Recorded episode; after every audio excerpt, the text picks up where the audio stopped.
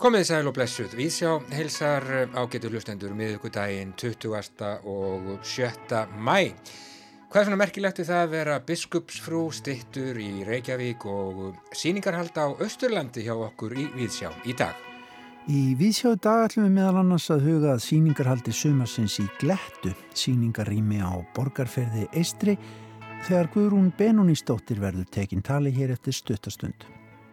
Og tveir ólíkri menn skaldið Jónas Hallgrímsson og bandaríski tónlistamæðurinn Kanye West koma við sögu að gefnu tilhefni í þættinum í dag. Þetta er óvænt stefnum og við ætlum að tala um stittur. Og bókvikunar á ráseitt að þessu sinni er verkið hvað er svona merkilegt við það að vera biskupsfrú eftir Hildi Hákonadóttur þar sem höfundur nýtir samtalsformið til að rekja sögu laungu horfina biskupsfrúa og fyrirkvenna í íslensku samfélagi. Hlustendur heyra í höfundi bókarinnar í þætti dagsins. En við byrjum fyrir austan þar sem fjöllin sökva sjálfsagt enn.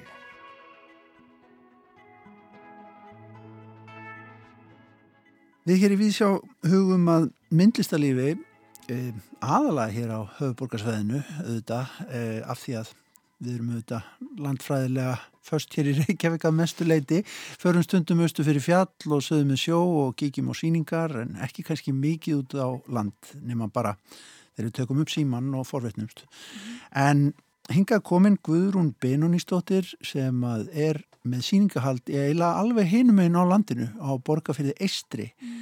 í skemmtilegu húsi þar við höfnina sem að opnaði nú held ég bara síðasta sumar velkomin Guðrún eh, segðu mér aðeins frá, sko, þetta er þetta óvinnlega hús á þessum ótrúlega magnaða stað borgarfyrði Eistri mm. og þessu fallega bæjastæði með fjöllin einhvern veginn sem að liggur hún í skál með fjöllin allt, mm. allt í kring mm. og svo þetta fallega hús við þessa litlu höfn mm. sem að lundin er í hólmanum og, og hérna og æðavarpi og allt, og allt saman sko stóð alltaf til að það erði þarna síningastadur í þessu sérstaða húsi við hörmina Já, vissileita svo er salun sem við kallum sem við kallum glettu mm.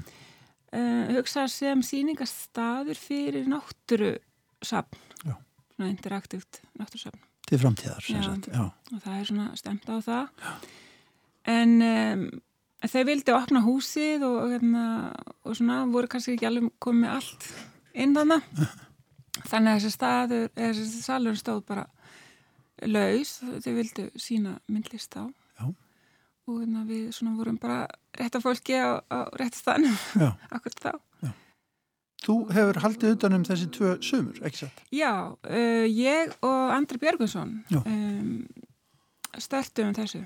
Já. Og hérna og eigum í samstarfi við auði völu sem er rekstastjóri kaffihúsins og húsins, hafnahúsins og svo á hún líka hann hótelið, Blabjörg Þetta heitir Hafnarhúsið eða hvað? Já, þetta er Hafnarhúsið og heitir það síðan. Já, ekki kannski formlegt Ég veit ekki hvort það sé með stórumstæði það er margisfyrst mig. Nei, en, en, en segðu mig frá því haldið þetta um þessa síningastar sem ég kom að því fyrra og sá síningu og þetta er auðvitað eins og segi, húsi sjálft er nánast eins og skuldur og mm. auðvitað bara orðið kennileiti á mm. östfjörðum Svo monument svona í þessari náttúruðana Þetta er svona ofsluður kontrast. Svona nútíma hús. Þar sem svona maður getur næstu trúið að það væri svona engin eila. Nei, nei. Og faraðna yfir fjallið yfir víkusgarðið og svona hlikkatu vegi. Mm -hmm. Gegnum þorpið og svo áfram. Já, gegnum þorpið. Áfram út í þessu lilla höfnana en, um, en það er bara gífileg fjöldi fólki sem kemur hérna svona lúmst sko. Og það er ofslega falla gungulegðir hérna og þannig og svo náttúrulega bara fuggli lífi þannig í hólmannum sem er, sem er ástæðan fyrir húsinu sko. Já. og þannig að uh, og svo bara líka er ástæðan fyrir húsinu er líka bara aðsittir fyrir hérna bátana, sjómennina eða smábátana. Þeir eru á strandveginn þarna. Ummitt Hús er á þremur hæðum og sjómyndin er einmitt með atkvarf á næstu hæðinu. Næstu hæðinu, já. Hvað er þar? Það er einverlega geimsla bara aðstæða svona fyrir, þú veist, þá aðeins svona einhver svona styrsta og svona og geimsla og, og dótu, já. Og svo, svo kemur kaffestaðurinn sem er með þessum flottu svölum sem við getum settið. Við sátum hann í æðislega veðri síðast sömur, alveg óglimalegt. Já, já. En Og svo upp á þriðhenni? Svo upp á þriðhenni og þar er aðgengi frá bílastæðan ofan frá beint inn í síningasalinn og ofan af því að sé hann þakk uh, Teresson og það er líka það glukkin sem er raunvöld, þá sér þetta bara gegnum allt húsin niður. Já, já. Það er svolítið fallið þetta hús, það er alveg byggt utan í, í hlýðina. Þetta er, svona, þetta er ekki beint törd, sko, þetta er svona svolítið þannig, utan í hlýðinu og svona, ég held að húsi sjálft sé bæði vel hefna en líka einhvern veginn staðsendingin, sko, það er svona vinnu með náttúrunni og svæðinu. Einmitt. Það er samt því að vera svona sjálfs, svolítið sjálfs, það er svona bygging og svolítið statement. Einmitt. En mér erst þessi bygging að mörgu leiti eitthvað neginn, eins og ég er búin að vera að kynast aðeins svona fyrðingum og hérna ég upplýði þetta, þetta samfélagana svona svolítið low-fi, sko þau, þau vilja halda í þetta sem þau hafa, þetta svona þessa sveit nánast, svona bæ í sveit og þessu ofslega fallega náttúra og, en vilja fá fleiri inn og það er mikil gróska á svæðinu, sko und fólk að koma tilbaka úr námi flytjast mm -hmm. daginn aftur mm -hmm. það er eitthvað svo fín svona mér finnst það svo fín stemninga á svæðinu það er svona, svona róleg uppbygging ekki, engin, engin asi það er ekki þessi, já þau hafi kannan ekki fallið alveg í svona, svona risagildrur sem margir að byggja svona, svona risa mm -hmm. Framlegslir þannig að þau eitthvað neginn uh, þannig að það, það sem er á svæðinu heldur velli svona gegnum gegnum tíðina. Mm -hmm. Mm -hmm. Hvernig kemur þú þannig inn? Ég menna, þú ert ekkit af svæðinu, ert svona bara sem... Ég ekkert en alltaf bara fundist þetta til að, að austan. Ég, bara, ég var aðeins að segja því fyrir tímbili og mm. ég finn bara að ég er að austan og afi er af svæðinu og já, já. langafi djúpa... og langam að byggja um á tímbili. Finnur fyrir því? Já, það er hann að eitthvað. Það er einhver múlasísli í mér. En, en hvernig hugsaði síningarhaldið? Þú, þú ert með fyrirbæri eða firma sem þú kallar UNS. Já, ég er búin að vera búsett í Bellin í mörg ár og ég stopnaði þetta raunverulega samt sem fyrirbæri uh, sem er ekki beint tengt einum stað og þetta er bókverka útgafa, þetta er útgafa uppræðanlega. En fljótlega svona hugsaði þetta þannig að, að, að ég skoða bókverka útgáfi líka sem bara, já, einhverju nálgun á bókverkinu sem stað sem er bæðir síningarstaður bókin, og svo líka bara myndlistar form þannig að það svona vindur upp á sig að ég byrja að setja upp síningar og hef sett upp einmitt svona serjur Herpingar, sáum sumar program þar. Var með síningar í mig, lítið galleri tók við út í Bellin og uh, sett upp síningar þar og svo er ég um, Núna, já, því ég er að flytja til Íslands og er einmitt þá að sjá um þetta rými á sum, yfir sumum tíman og vorin. Já, þannig að það er Berlín og Borgarfjörður Eistri. Já, og svo komin, já, og svo Reykjavík, já, og hérna býr Reykjavík, sko, og svo er ég þar svona kringum þetta. Akkurat. Ég er að sleifaði Berlín fyrir Borgarfjörður Eistri, sko. Já, það er góð skipti. Eh, sko, hugsunin með síningarhaldinu hjá, hvernig, hvernig svona leggjið það upp? Já, sko ég vil að tekja svolítið við með húsinu að því að fram að þessu, að því húsi er svolítið erfitt sko, síningarsalina, þetta er svo rosalega dóminandi hús og síningarsalir, það er ristór glöggi bara út í náttúruna, mm. samkemlið það er alltaf bara gífleg, það, þú veist, þetta er einu á öllu myndið, maður dokumentera verkin. Svo þessi gráu grófu vekkir sem á ekkert hengja á, sko, Nei. þetta er bara svona endalös púsl Já. en skemmtilegt nefnilega og hefur komið vel út af því að um, rýmið er svolítið skemmtilegt að býðir eiginlega upp á svona marga svingla og um, maður bara hugsa það upp á nýtt svolítið og, og þetta er áhugavert og um, rosalega fínt að vinna með fólkinu hana á staðnum og rekstafólkinu og öðrum og það er gífileg fjölda fólki sem kemur og sér síningarnar ja.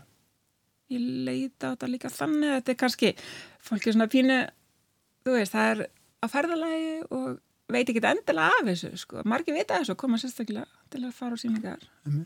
en svo er þetta hinn sem er svona að fara á kaffihúsið og svona síningarsalur og það er svolítið gaman líka eitthvað næðin að vera með þess að tegunda myndlist sko svona alveg.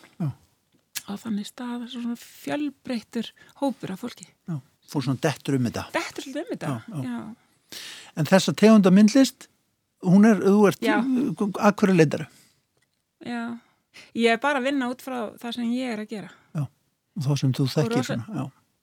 Já, ég bara bý til prógram og sækjum, fekk uh, styrk frá myndlistasjóði Mhm. fyrir verkefninu og einna að því að ég bý bara til einhvers konar ramma, veist, fyrir verkefni og fólkið og þetta tengist fóðum mikið líka bókarkinu um mörgur leiti og bara, ég er kannski gefa út suma og þetta er svona einhvers konar tengi þetta er svona rúlar áfram Mhm. Já. Hvernig, hvernig fer sumarið af, af stað hjá þér núna? Hverjir hérna, eru þarna sína núna? Já, við vorum aðna þrjár sem startuðum í, þetta byrjaði nú bara í apríl sko. Byggum aðna í húsi sem heitir Ós, aðna alveg við sjóin, vorum með smá residensi aðna, Mhm. settum með sýninguna, þetta var alveg magna. Við vorum bara svona hlutið að fuggla lífin, það var svo nippu aðna við sjóin, magna. Og aðna, þetta eru við þrjár, eh, Elisabeth Brynildóttir, um, Eiklo Haraldóttir og ég síndum og vorum með síningu sem var svona um tíma og tímaleysi og, ef, og efniskera tíma og svo er núna nýbúið að setja upp síningu sem að er með fjórum konum. Og það uh, eru Anna Hallin og Olga Bergman uh, Inga Þórei og Hansdóttir og Kristín Reynisdóttir. Mm. og það er mikil svona skúltur áhersla í þeirri síningu Já, svona strúktur og kannski sama svona einhver svona hugmyndum strúktur sem er annarkort efni eða það bara huglegur Já. og eða ég bara andlegur og það er sem sagt uppi núna. það er uppi núna Já. það verður í mánuð eftir loka júni þá setja Andri Björgusson upp síningu með ungum listamönnum og svo í júli mun ég setja upp síningu með eh, Geirþrúði Fimbóðdóttir Hjörvar og manni frá Berlín sem er vídeolistamaður maður sem heitir Esteban Riviera Já, já. Það er mjög- Þannig að það er komin alþjóðlega áherslu inn í þetta líka. Já, eins En svo, fa svo fáið þið þessi tvö, líklega tvö svona enkenlegu sumur. Það var náttúrulega mjög sérstætt sumar í fyrra. Já. Það var bara þjóðin fór einhvern veginn öll út á þjóðveginna og allir að heilsast í næstu Já, já. Það var bara Íslendingar hann Já, já.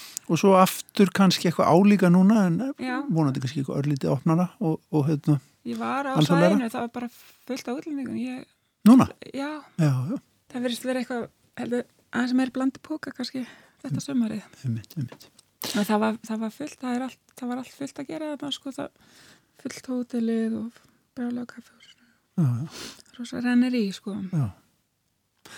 En þú sem sagt sér þetta fyrir þér að þetta geti vaksið og dopnað á næstu, næstu árum að borga fyrir eistri innan þessa svona mjög örug ramma sem þetta hús býður upp á þetta er hérna, og þetta er mjög sérstakur skemmtilegu síningasalur eins og nefnir Og þess vegna reynir ég að taka hans sem útgangspunkt að í staðan fyrir að berjast við hann að þá fer ég með honum, Já. sko. Og, hérna, og náttúrunni líka raunverulega sko, bara tekið þetta svona inn í staðan fyrir einhvern veginn að já, þetta, er er náttúrulega svo dominandi sko, element Já. í þessu en áhugast að vinna með því Er búið að laga veginn að það núna? Já. Já. rosa fín, Það var Áfram ans- bleikjóttur. ansi mikið skröldan á okkur í fyrra. já, ég. já, það var hann að nákvæmlega það var verið að gera við hann Já. og það hann er núna orðin rosa fít sko. Það er ekkert fólki til fyrirstöðu bæði auðvitað austfyrringum að leggja leið sína og skoða síningar og, og svo auðvitað bara fólk sem er á Varðinni? ekkert, ekkert, þetta er hann að rosa fínt malbyggja hann og hann er ennþá hlikketur og kósi bara maður keira á 30 þannig á köflum Mhm. til að ná beigjónum það bara þannig Við bendum á þetta og hérna bara sendi góða, kveð, góða kveður austur Guðrún Bernisdóttir, takk fyrir kominu við sjá. takk fyrir mig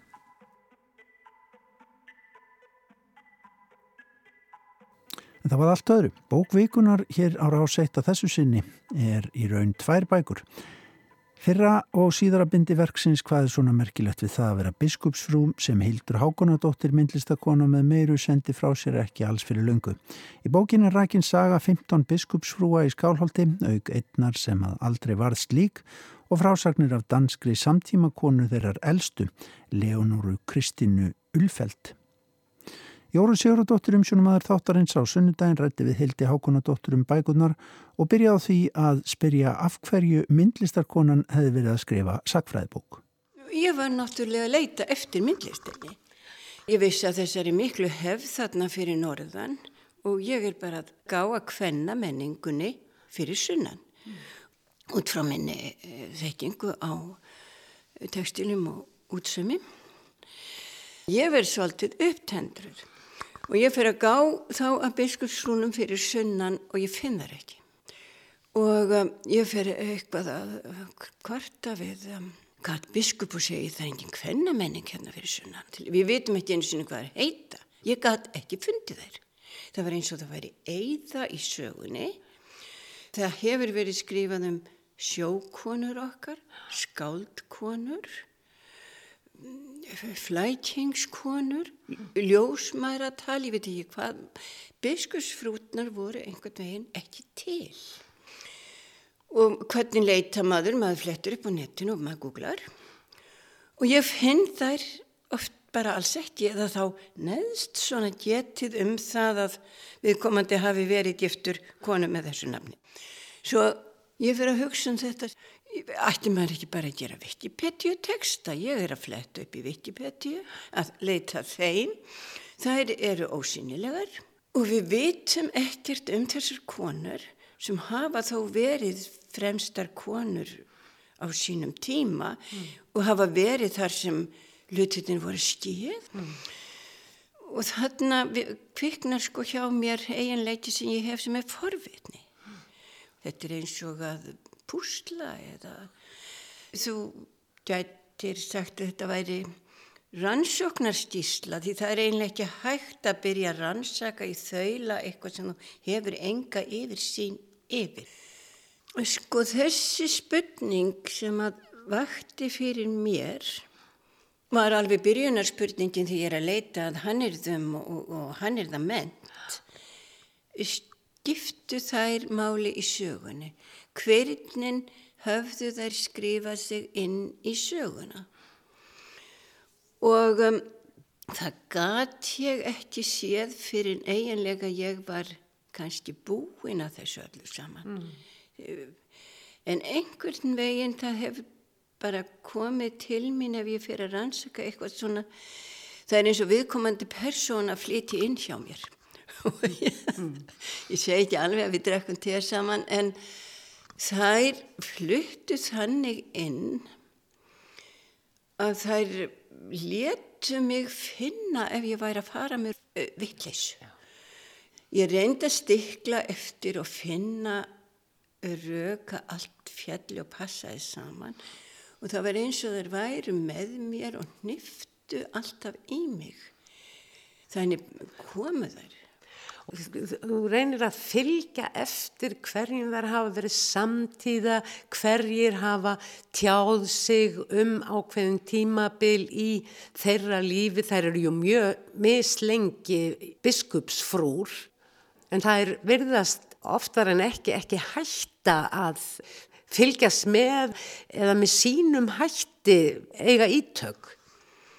Sko þú heyrir að þú talar strax um þær sem hóp. Já, já, aðeins erfitt með að halda þeim í sundur. Það er svo merkilegt og þetta er kannski svolítið út fyrir efnið að við tölum um endurreysnar tíman, eh, tímanum þegar að sko á miðöldum erum við meira svona eins og hópsál endurreysna tímanum koma fram vísindamenn og hugsuðir og tólskáld og sénið verður til og blómstrar og allt þetta. En við konurnar fórum aldrei inn í þetta. Það er eins og við sætum hjá, en það var okkur bannað í raun og veru að stunda mörg störf og við máttum ekki á öllum þessum 500 árum í raun og veru ment okkur. Og það er ástæðan fyrir því að við tölum svo mikið um konur sem hóp. Núna eru konur að stíga fram sem einstaklingar og við förum að muna nöfnin þeirra og við förum að sjá munin því að við erum eiginlega að reyna að vinna upp á 50 árum næstum því það sem karlarnir gerða á 500 árum. Það er að þróa einstaklings eðli okkar. Mm. og við erum að flýta okkur núna í raun og vera áður en að við þurfum aftur að fara inn í, í vissa hópsál til að taka höndum saman og leiða, jörð, leiða verkefnin sem eru kníjandi fyrir já, jörðina og heiminn en öllu þessu fylgir annað að núna hættum við að sjá tíman línulaga og þess að frægu fjárvita hverfur allt inn í fjarska og þegar ég er að alast upp þá er byttist alltaf, alltaf verið að hugsa um framtíðina og það var náttúrulega eðlilegt því að ég fæðist í stríðin og það er stríðslokk og það er að byrta, við erum að halda áfram. Nú erum við komin næstum fram úr sjálfum okkur og við þurfum að stoppa og við þurfum að fara að hugsa öðruvísi og ég er að reyna að skrifa þetta þannig að ég geng út, sko konur hugsa meir í hring svona geng ég inn í æfi þeirra á einhverjum tímapunktum og horfi allt í kringum. Mm. Hvernig er þetta umhverfi sem þessi kona býr í? Mm. Og með þessu var ég að vona að ég kannski kæmi með hvernleiri frásögn á sögunni. Ég setti mér þá vinnureglu, ég skrifa allt niður sem ég get mögulega fundið um þessa konu. Og ég hafi syngt þetta einhverjum og fólki fannst þetta að vera hvort í fugglinni fiskur eða einhvern veginn þurrt mm. svo ég bara eins og þú klýfur atómi eða eitthvað ég klauf þetta í tvenn ég spurði, hún svaraði mm. ég var, þurfti einhvern veginn að gera þetta frambærlegt mm. og svo gerði ég annað að ég reyndi að færa þetta allt upp í nútíð og þessin er þetta svolítið kannski kemur pínulítið undarlega fyrir sjónir en þetta er gjörsamlega viljandi til þess að hafa þær ekki þarna einu sinni í burtu langt mm. ég færi þær inn til mín og þær tala um sína æfi í nútið eins og hún sé núna þú leggur mikla áherslu á að gefa okkur til kynna að við höfum kannski á þessum tíma alls ekki verið svo einangruð í heiminum. Ég náttúrulega eru þær í þeirri aðstöðu að vita um öllu tengsl sem voru.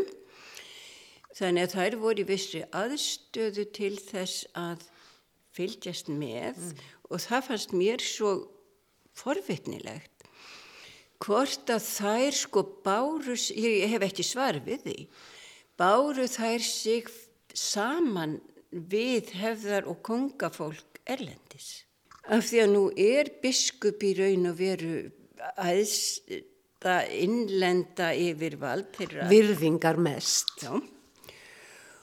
Og þess vegna var ég að reyna að ímynda mér þetta. Hvernig þær hugsuðu um mm. sjálfar sig mm.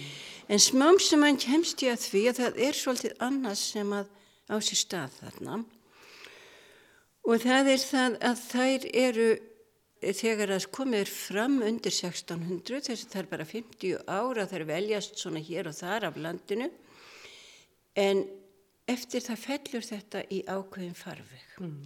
og ég held að með því þegar að Guðbrandur biskup sendir Já, ég segi sendi því að hann stóð bæði að því að velja biskup þarna Einarsson rétt fyrir 1600 og hann velur honum konuefni og ég sé ekki betur heldur en að hann hafi með fullri vitönd og uh, kyrkjupolítiskum vilja mm.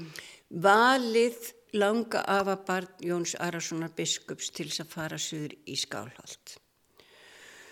Og þarna ætlar hann þessari stúlku miklu meira heldur en bara verða biskupsfrú. Mm. Hann er að reyna politist séð að sætta og brúa þetta stóra bíl sem verður þarna á millin Norðurlands og Suðurlands. Og það merkilega er að hún stendur sig með fullri príði í þessu ennbætti og það vel reyndar að hún setur veldi langafarsins Jóns á biskupsfrúarstólinn í Skálholti mm.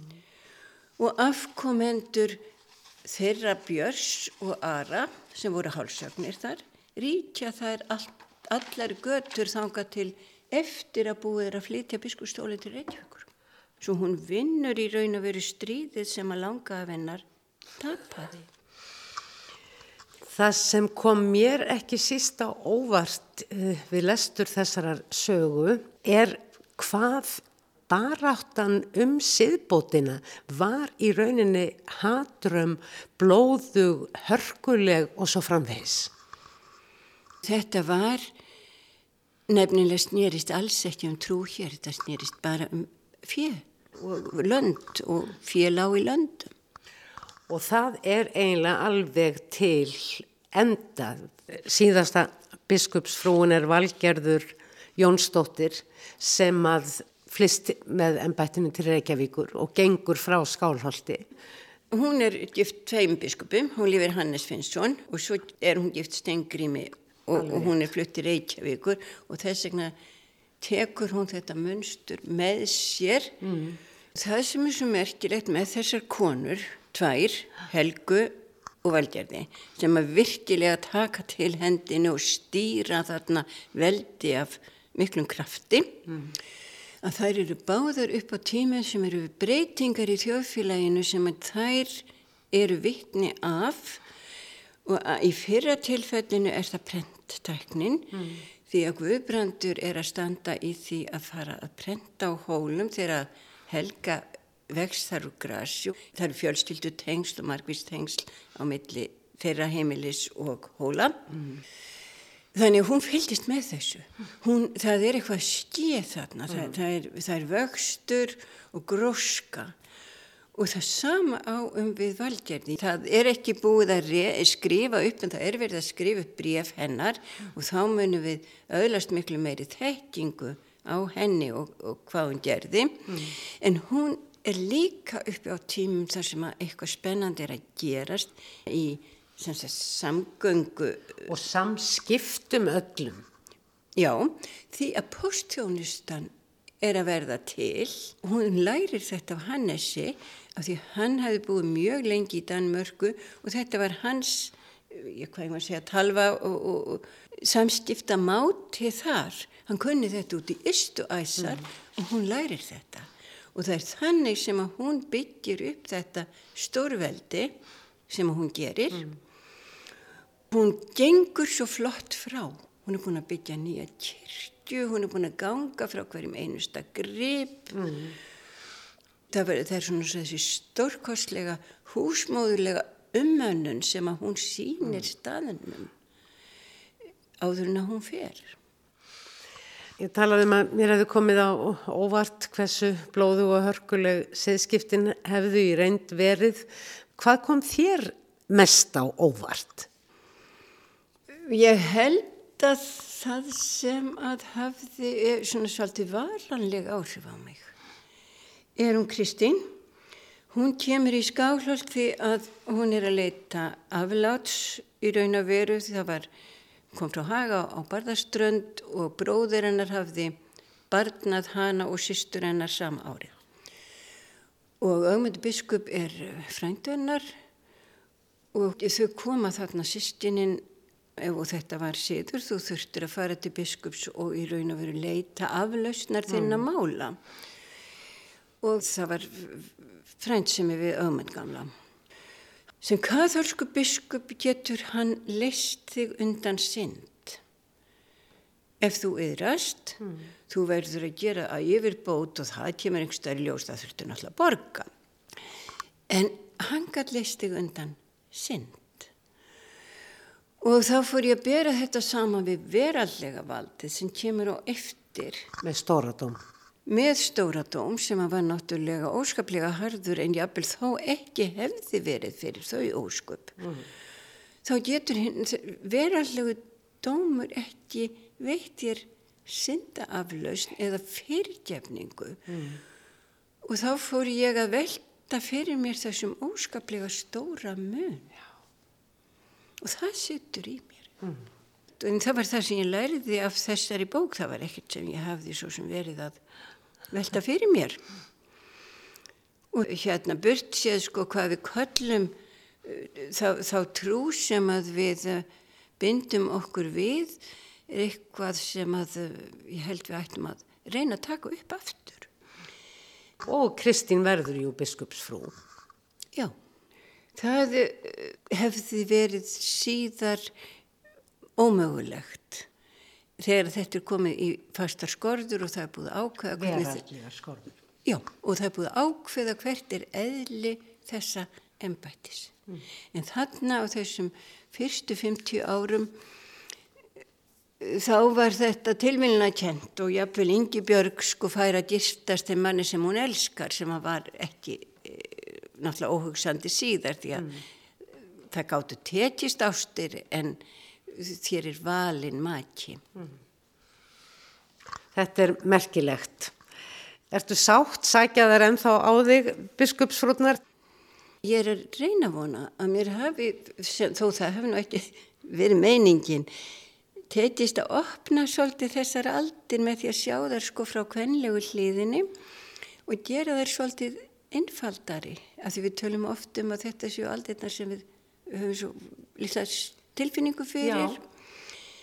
en mér finnst að mér hefur tekist svolítið alltaf því óvart að opna þær og gera þær skiljanlega Já, Jórun Siguradóttir rætti þarna við Hildi Hákonardóttur um bækur sem nefnast hvað er svona merkilegt við það að vera biskupsfrú.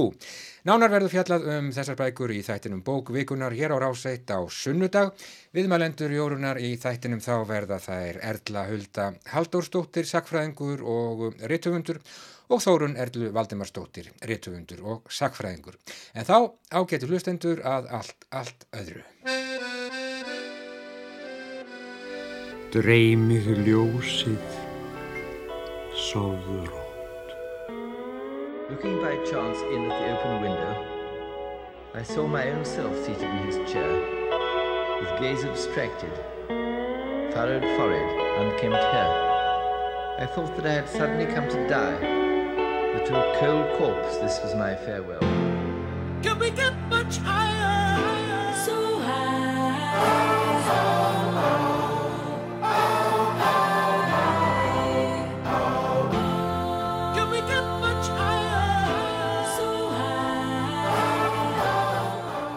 Aldrei bjóst ég nú við að lenda í þessu við sjá kynir Jónas Hallgrímsson mætir Kanye West. Fyrst þetta, Jónas datt í stega, það er langt síðan þetta vitum við síðan dóan nákvæmlega á þessum degi 27. mæ árið 1845, 37 ára gamal. Aðfaranótt 21. mæ er Jónas setn fyrir heim skrifar Páll Valsson í æfisögusinni um Jónas frá orðinu 1999 og hann bæti við hvaðan hann kom eða hverra erinda er óvitað hins vegar skreppa honum fætur í bröttum og þraungum stegaganginum í samti Peturstræti 140 og hann dettur þannig að hann brítur fótinn illa. Samkvæmt frásögn Konráðs vinar hans komst hann þó á fætur og skreittist inn til sín og beigð þar morguns. Dreymið ljósið, sóður rótt. Hann var grafinn í hjástónarkirkjugarði sem kallaður er Í þeim hluta hans er leikur til þrenningarkirkju. Það var 31. mæ í góðu veðri og blíða sólskinni. Allir þeir Íslendingar sem þá voru hér í Kaupmannahöfn og nokkuð þekktu hann til muna, fylgdu honum og báru kistuna frá líkvagninum til gravarinnar. Hörmuðu þeir forlögans og tjón ættjarðarsinnar. Hver sá mest sem honum var kunnugastur og best vissi hvað í hann var varið. Þetta var sorgarstund allra Íslendingana, því hér fylgja þeir til gravar manni sem þeir höfðu treyst öðrum fremur til fóristu í sínum hópi. Mest sirkja þó vinir hans sem vissu best hvað í honum bjó eins og Konráð orðar það og gerðu sér grein fyrir því að þeir voru ekki bara að hveðja sinn besta vin, heldur fremsta skáld þjóðarinnar og náttúrufræðing í einum manni.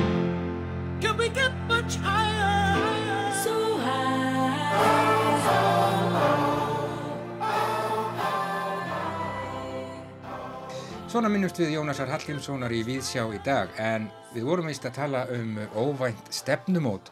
Nú dögunum kom fram hugmyndum að reysa stittu af bandaríska tónlistamanninum og rapparanum Kanye West. Fyrir utan Vesturbæjar laug Kanye West er auðvitað einhver vinsalasti tónlistarmaður samtímans, hann hefur selgt 20 miljónar hljómplatna, unnið svo sem eins og einn 22 grammivölun og hefur verið valinn einn af 100 bestu lagahöfundum allra tíma svo eitthvað sé nefnt. Hugmyndin lendi á borði hjá borgar yfirvöldum sem nú hafa hafnaðinni og um, það er ekki allir gladir með það. Kjartan Svein Guðmundsson, framhaldsskólanemi, hann veltir fyrir sér stöðu líðræðis á Íslandi, hvorki meirann í minna í kjölfar ákvörðunar Reykjavíkur borgar um að reysa ekki stittu af vest, þrátt fyrir að hugmyndin hafi fengið yfirbörða kostningu í íbúa kostningunum betri Reykjavík. Kjartan lísti óanægi sinni í pistli sem byrtist í kjarnanum og setur þar málið í bísna stórt samengi. Hann skrifar meðal annars Eitt af versta við eftirlit samfélög, laurugluríkja og auðvaldsmeistara er hrun líðræðis. Við sjáum bæði austan og vestanhafs að þegar líðræðisleg gildi eru brotið niður, kemur í staðin pláss fyrir egoista sem svífast einskis í nafni gróða og valda.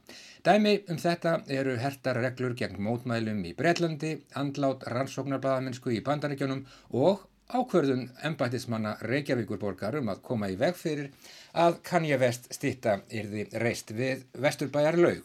Og Kjartan skrifar líka Kanye West hefur gert meira fyrir mig en Jónas Hallgrímsson, Káin, Gunnar Gunnarsson og Snorri Sturluson saman lagt. Eflaust geta einhverjir þeirra 772 aðila sem greitu atkvæði með stittunni í vefkostningu Reykjavíkuborgar sammælst mér en þá vaknar spurningin hefði stittan verið reist ef við hefðum beðið um eitthvert af fyrirnemdum skáldum í staðin fyrir hæstvirtan vest. Og Kjartan Sveit, hann líkur máli sínu með þessum hárbeittu orðum Nú fer að stuttast í óöld kostningalofórða og Facebook myndbanda falsfrétta með tilherrandi umræðum um stjórnarskrá og borgaralýðræði, pottjett gagsægi í ríkisrekstri líka. Ég vil bara segja að ef einhver flokkur vil vera tekinn alvarlega af mér þarf hann að lofa niðurrifi stittu Jóns Sigurssonar á Östurvelli og í stað hans kemi gull húðaður kannja fyrir framann alþingi. Íhaldið sem er á móti því má leggja til dreig stittu í staðin. Þetta er aðtiklisvert ágætu hlustundur en samt í raun og veru og kannski ekkert skrítið að Kanye West hafi meiri þýðingu fyrir ungan framhaldsskólanema en Jónas Hallgrímsson sem já, andaðist nákvæmlega á þessum degi, 27. mæ árið 1845. Og kannski er ekkert eðlilegra en það að fólk vilji hafa nákvæmlega sitt fólk í kringum sig í borgar landslæginu, hvort sem það eru íslensk skáld nú eða heimsfrægir tónlistarmenn frá bandaríkjónum. En e, það er auðvitað þetta með stittuformið sem vekur aðtikli stittur tilheyra jú liðnum tíma. Það dettur eiginlega engum í huga að reysa fleiri stittur af stjórnmálamönnum eða skáldum. Stittur tilheyra gamalli hefð, rapptónlist samtímans tilheyrir henni svo sannarlega ekki. En samt kemur þessi hugmynd um stittu af Kanye West fyrir framann vesturbæjarlaug fram nákvæmlega núna. Við skulum breða okkur sem snöggvast í blíð viðrinu niður í hljómskálagarð. Þar eigum við stefnumót við stittu.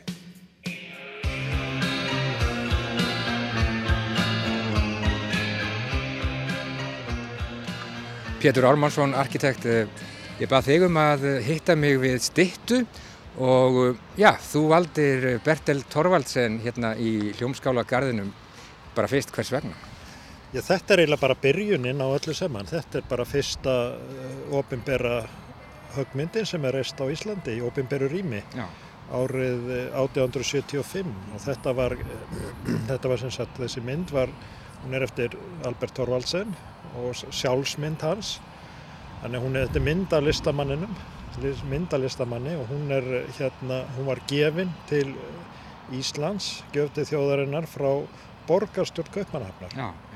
Og uh, hún var sett nýður á Östurvöll og með mikill viðhöfn og þótti mikill viðbyrður á sínu tíma og, og kannski, kannski var þetta svona, þetta, þetta var alveg fallegt allt í kringum þetta verk vegna þess að þarna var eiginlega Kaupmannahafna borg, gamla höfuborgin að gefa Reykjavík sem, sagt, sem þá var bara smáþorp eiginlega vísi að borgarmenningu og, og þetta var til þess að það fór að rýsa mann fór að hyrða um Östurvöll, hann var mótaður sem ofinbært rými það risu falleg hús í klassískum stíl eins og hérna gamli kvennarskólinn og NASA mm -hmm. og svo alþingishúsið allt í kringum þennan virðilega völl þannig að þetta var svona skref í, í átt að einhverjum draumi um að Reykjavík, draumi Tómasa Sæmussonar um að Reykjavík yrði nú kannski einhver tíman virðulegur og fallegur höfustöður landsins. Já, allt fallegt í kringum þetta en sko stittur í Reykjavík þetta tengist jú allt saman, eh,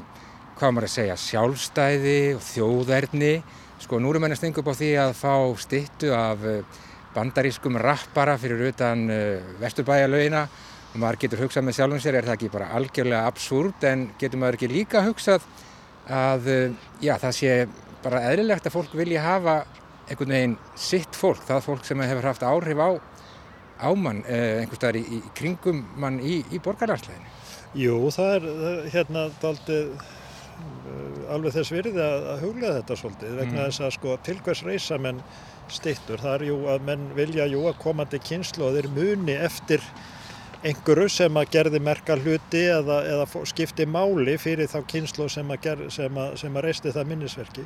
Við erum hérna skamtrónum Jónasi Hallgrímsinni sem er eiginlega fyrsta ofinbera standmynd Einars Jónssona sem var reistinn í Reykjavík í tilhefni af þegar öll var liðin á fæðingu hans held ég hafi verið 1907 eða 9, þú mannst það kannski betur 7. 1907 og hún var, sko, það var, það var draumurinn var með austurvall að þar myndu verða fleiri myndir af, af svona helstu hérna helstu mönnum þjóðarinnar mm -hmm. og Jónas, en við vorum ekki alveg tilbúin með þá hugmyndana Jónas var settu svona til bráðabyrða niður Já. við Bernhörstorfuna við Atmastíni og Lækjagötuna. Mm -hmm. og hérna Jónas var náttúrulega, það var, það var stúdendar, það voru stúdendar sem eiginlega börðust fyrir því að sapna peningum fyrir stittuna Jónasi, svo koma í kjálfarið innaðamannafélagi sem að fóra sapna fjö fyrir, fyrir hérna minnisvarðum Engól Arnarsson og Arnarhóli og byggði meðal annars, emdi meðal annars, byggði, byggði hús og endi til fyrsta íslenska hattrættishúsi til þess að fjármagna myndin af einari af hérna Ingól Varnarsinni. Þannig að sko þannig eru ákveðinu hópar í samfélaginu, þetta er ekki ríkið eða, eða einhver valdað ofan sem er ákveð, þetta er í rauninni bara hópar í samfélaginu sem að binda samtökum um að, um að gera þetta og halda þessu lofti. Já. Og þannig eru menn að náttúrulega taka benda á merkamenn úr fortíðinni frá 19. öll til þess, að, til þess að halda minningu þeirra á lofti en nú þetta málu í Vesturbæjarlaugina það er eiginlega svolítið öfugt mm -hmm. það er eiginlega unga kynnslóðin að vekja aðtikli á því sem því finnst skipta máli Já. og í augum eld, og semst opna augu eldri kynnslóðina fyrir því þannig að hérna einhvern veginn finnst mér nú leitt að það skildi ekki hafa verið unnið meira úr þessu svona hugmyndafræðilega út úr mm -hmm. þessu hérna skemmtilega og skrítna erindi Já. Nákvæmlega, en stittur þær eru hefðbundnari en uh, allt sem hefðbundið er og við erum auðvitað já, löngu hætt að reysa stittur, það er nú reyndar samt ekkert ólega langt síðan að Tómas Guðmundsson settist á bekkin hérna hinnum með við, við tjörnina, en það er kannski aldrei merkilegt að ungt fólk skuli emitt hugsa í, í þessu formi að vilja fá, vilja fá stittu af sínu manni. Já, það er aldrei merkilegt vegna þess að nú er náttúrulega sko stittur eru nú ekki það sem er efst og bau í samtíma myndlist í dag. Ekki, ekki, ekki hjá þeirri kynnslóð sem er í rauninni kynnslóð þeirra sem er að byggja um þessa, þetta tiltegna verk. Mm -hmm. og þá vaknar spurningin er e, væri hægt að finna þessari hugmynd farveg e, á vettmangi samtímalistar Ég held að það hefði verið, verið, hefði verið gaman að láta það reyna. Ég meina hvað hefði til dæmis listamæður eins og Ragnar Kjartarsson geta gert úr þessari hugmynd. Já, einmitt. Og þá er maður kannski að hugsa til verka eins og hérna verki Jeff Koons með, með Michael Jackson og Apan. Að einhvern veginn taka þessa, taka þessa, ég meina það er eitthvað sem að fallegt sem býr þarna baki. menn, menn, menn, menn þessi tónlist, tónlist þessa mann sem að ég reyndar þekki nú ekki mikið til Eh, hérna, hún skiptir máli fyrir, það, fyrir, fyrir hérna, hóp fólks og það vil einhvern veginn miðla þeirri reynslu með varanlegum hætti með því að gera svona einhvern hlut eh, það má velta fyrir sig hvort að það er aktuelt í dag eða ekki en allavega sko tilfinningin, hugsunin er fallega það er bara spurning hvaða, hvaða mynd tekur hún á sér Já. Ég heyri það Pétur að þú ert bara alls ekkert frá uh, hverfur því að hérna að Kanye West fái að standa við, við vesturbæðilaugina í einu eða öðru formi. Uh, Kjartan Sveitn Guðmundsson, framhaldsskólanemi sem að, já, lætur borgin að heyra það í, í, í pistli og skammar hana fyrir að taka ekki marka á vilja íbúa og, og stingur nú bara upp á því lokin að, að, að taka Jón Sigursson sjálfa niður og stilla Kanye West upp á miðjum austurvelli. Það er svolítið, svolítið langt gengið en við vorum að tala saman í gær og, og það er nú þannig að, að stittur á Íslandi það eru ekkert, eru ekkert sérlega umdeildar, ekki einu sinni stittur af stjórnmálamönnum. Ólafur Tórs, hann stendur hérna ekkert voðalega langt í burtu bara uh, sell og rólur með sinn vindil. Já, við erum, við erum bara heppin að því leiti að þetta er allt saman, allt, allt saman öndvegis fólk að vísudaldi karlægt verður að segjast, það, það, að, það held ég verði nú, verði nú að segjast mm -hmm. en, en hérna það er engin, allavega engin, engin hérna samtakum að brjóta niður stittur hér af, af mannum með mis, misjamt orðspor. Hins vegar er eitt sem ber að nefna að það má segja svona ymsar hugmyndir manna um að búa til svona þjóðar minn, svona, svona garda með, með, með minnismerkjum um þjóðþekta menn, þær hafa nú farið hérna, hérna farið ill, þær, þær hafa nú einn flest margar verið bara drefnar af, af, af háðfögnum hvers tíma, við getum nefnt hérna sko hugmyndin um Östurvöld náðu náttúrulega ekki, ekki fram að ganga, síðan Nei. var alls konar vandræðagangur í kringum þegar að þessi, þessi mynd hérna henni var, hún var, hún var, tek, hún var látin víkja fyrir Jóni Sigursinni sem hafði verið settu fyrst niður við stjórnarashúsið og, og Jónas kom hingað líka, menn voru svona, menn hafi verið að hrókjara þeim svona fram og tilbaka. Svo náttúrulega hérna þjóðargrafreiturinn á Þingvöllum sem var svona algjört fiasko og, og, og önnur hugmynd sem var líka svona fekk svipað útreið sem var, var hugmynd um að það voru hérna tröppurna fyrir framann háskólans þar sem eru svona stallar. Og þar, áttu, þar var samkvæmt, samkvæmt hugmynd, var, ég tek fram að þetta var ekki, hugmynd, ekki samræmi hugmynd Guðjón Samúlssonar, uh, heldur var þetta kom þetta fram að honum látnum, þar átt að vera stöpplar og eru enn mm -hmm. fyrir, fyrir hérna helstu, helstu gáfumenni þjóðarinnar. Já. En uh, skopmyndablaði speillin sá nú alveg um að slátra þeirri hugmynd. Það var það bara algjörlega úr sögunni. En já, mæsólinn, íslenska mæsólinn, hún skýn á okkur hér í hljómskálagarðinum og hún skýn á Bertel Thorvaldsen og ég veit ekki hvort að hún á einhver tíman eftir að skýna á uh, Kanye West eða ekki bara skora á Ragnar Kjartansson í loki. Gerum það. Hermið, takk fyrir það Pjóttur.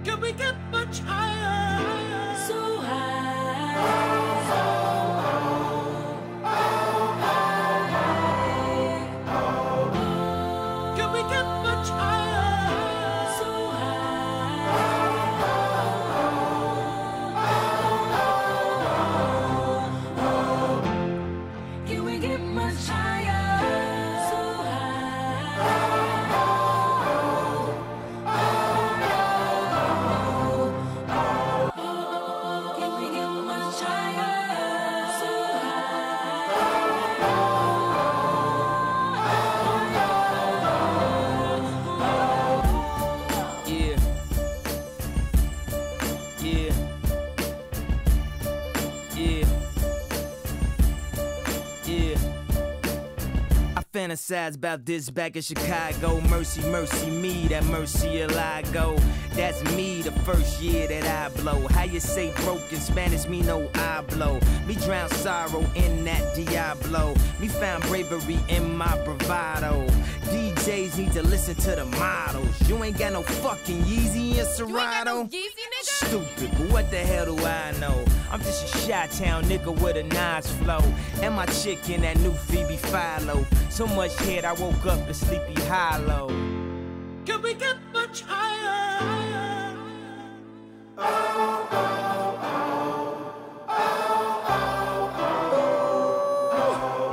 Look like a fat booty Celine Dion. Sex is on fire. I'm the king of Leona Lewis. Beyond the truest. Hey, teacher, teacher, tell me how do you respond to students and refresh the page and restart the memory? Respark the soul and rebuild the energy. We stop the ignorance, we kill the enemy. Sorry for the night, demons are still visit me. The plan was to drink it till the pain over. But what's worse, the pain or the hangover? Fresh air rolling down the window. Too many Urkels on your team, that's why your wins low. Don't make me pull the toys out, huh? Don't make me pull the toys and fire up the engines, huh? And then they make noise. Can we get much higher? Uh -huh. So high.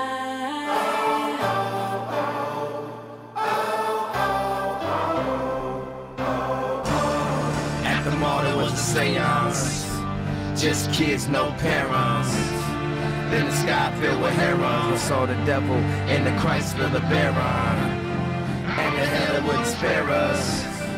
And the fires they declare us. But after that, took pills, kissed and errors. And woke up back in Paris. Can we get much higher?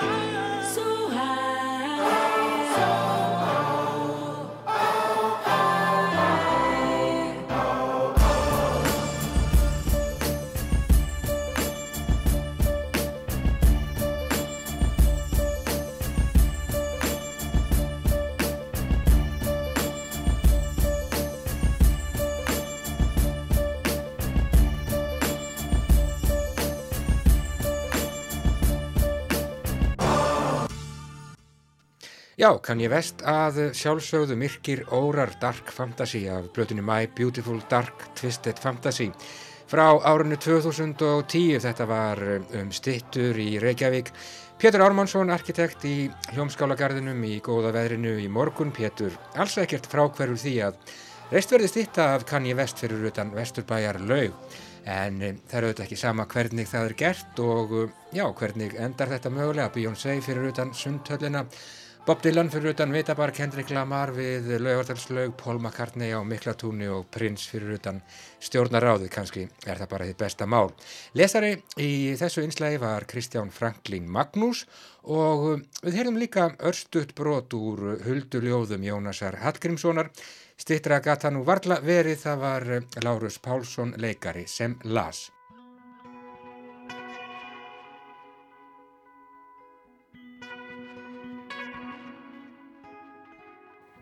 Og svona ljúkum við viðsjá í dag, viðsjá hér aftur á sínum stað og sínum díma, löst eftir klukkan fjögur á morgun. Takk fyrir samfélgin í dag, verið sæl.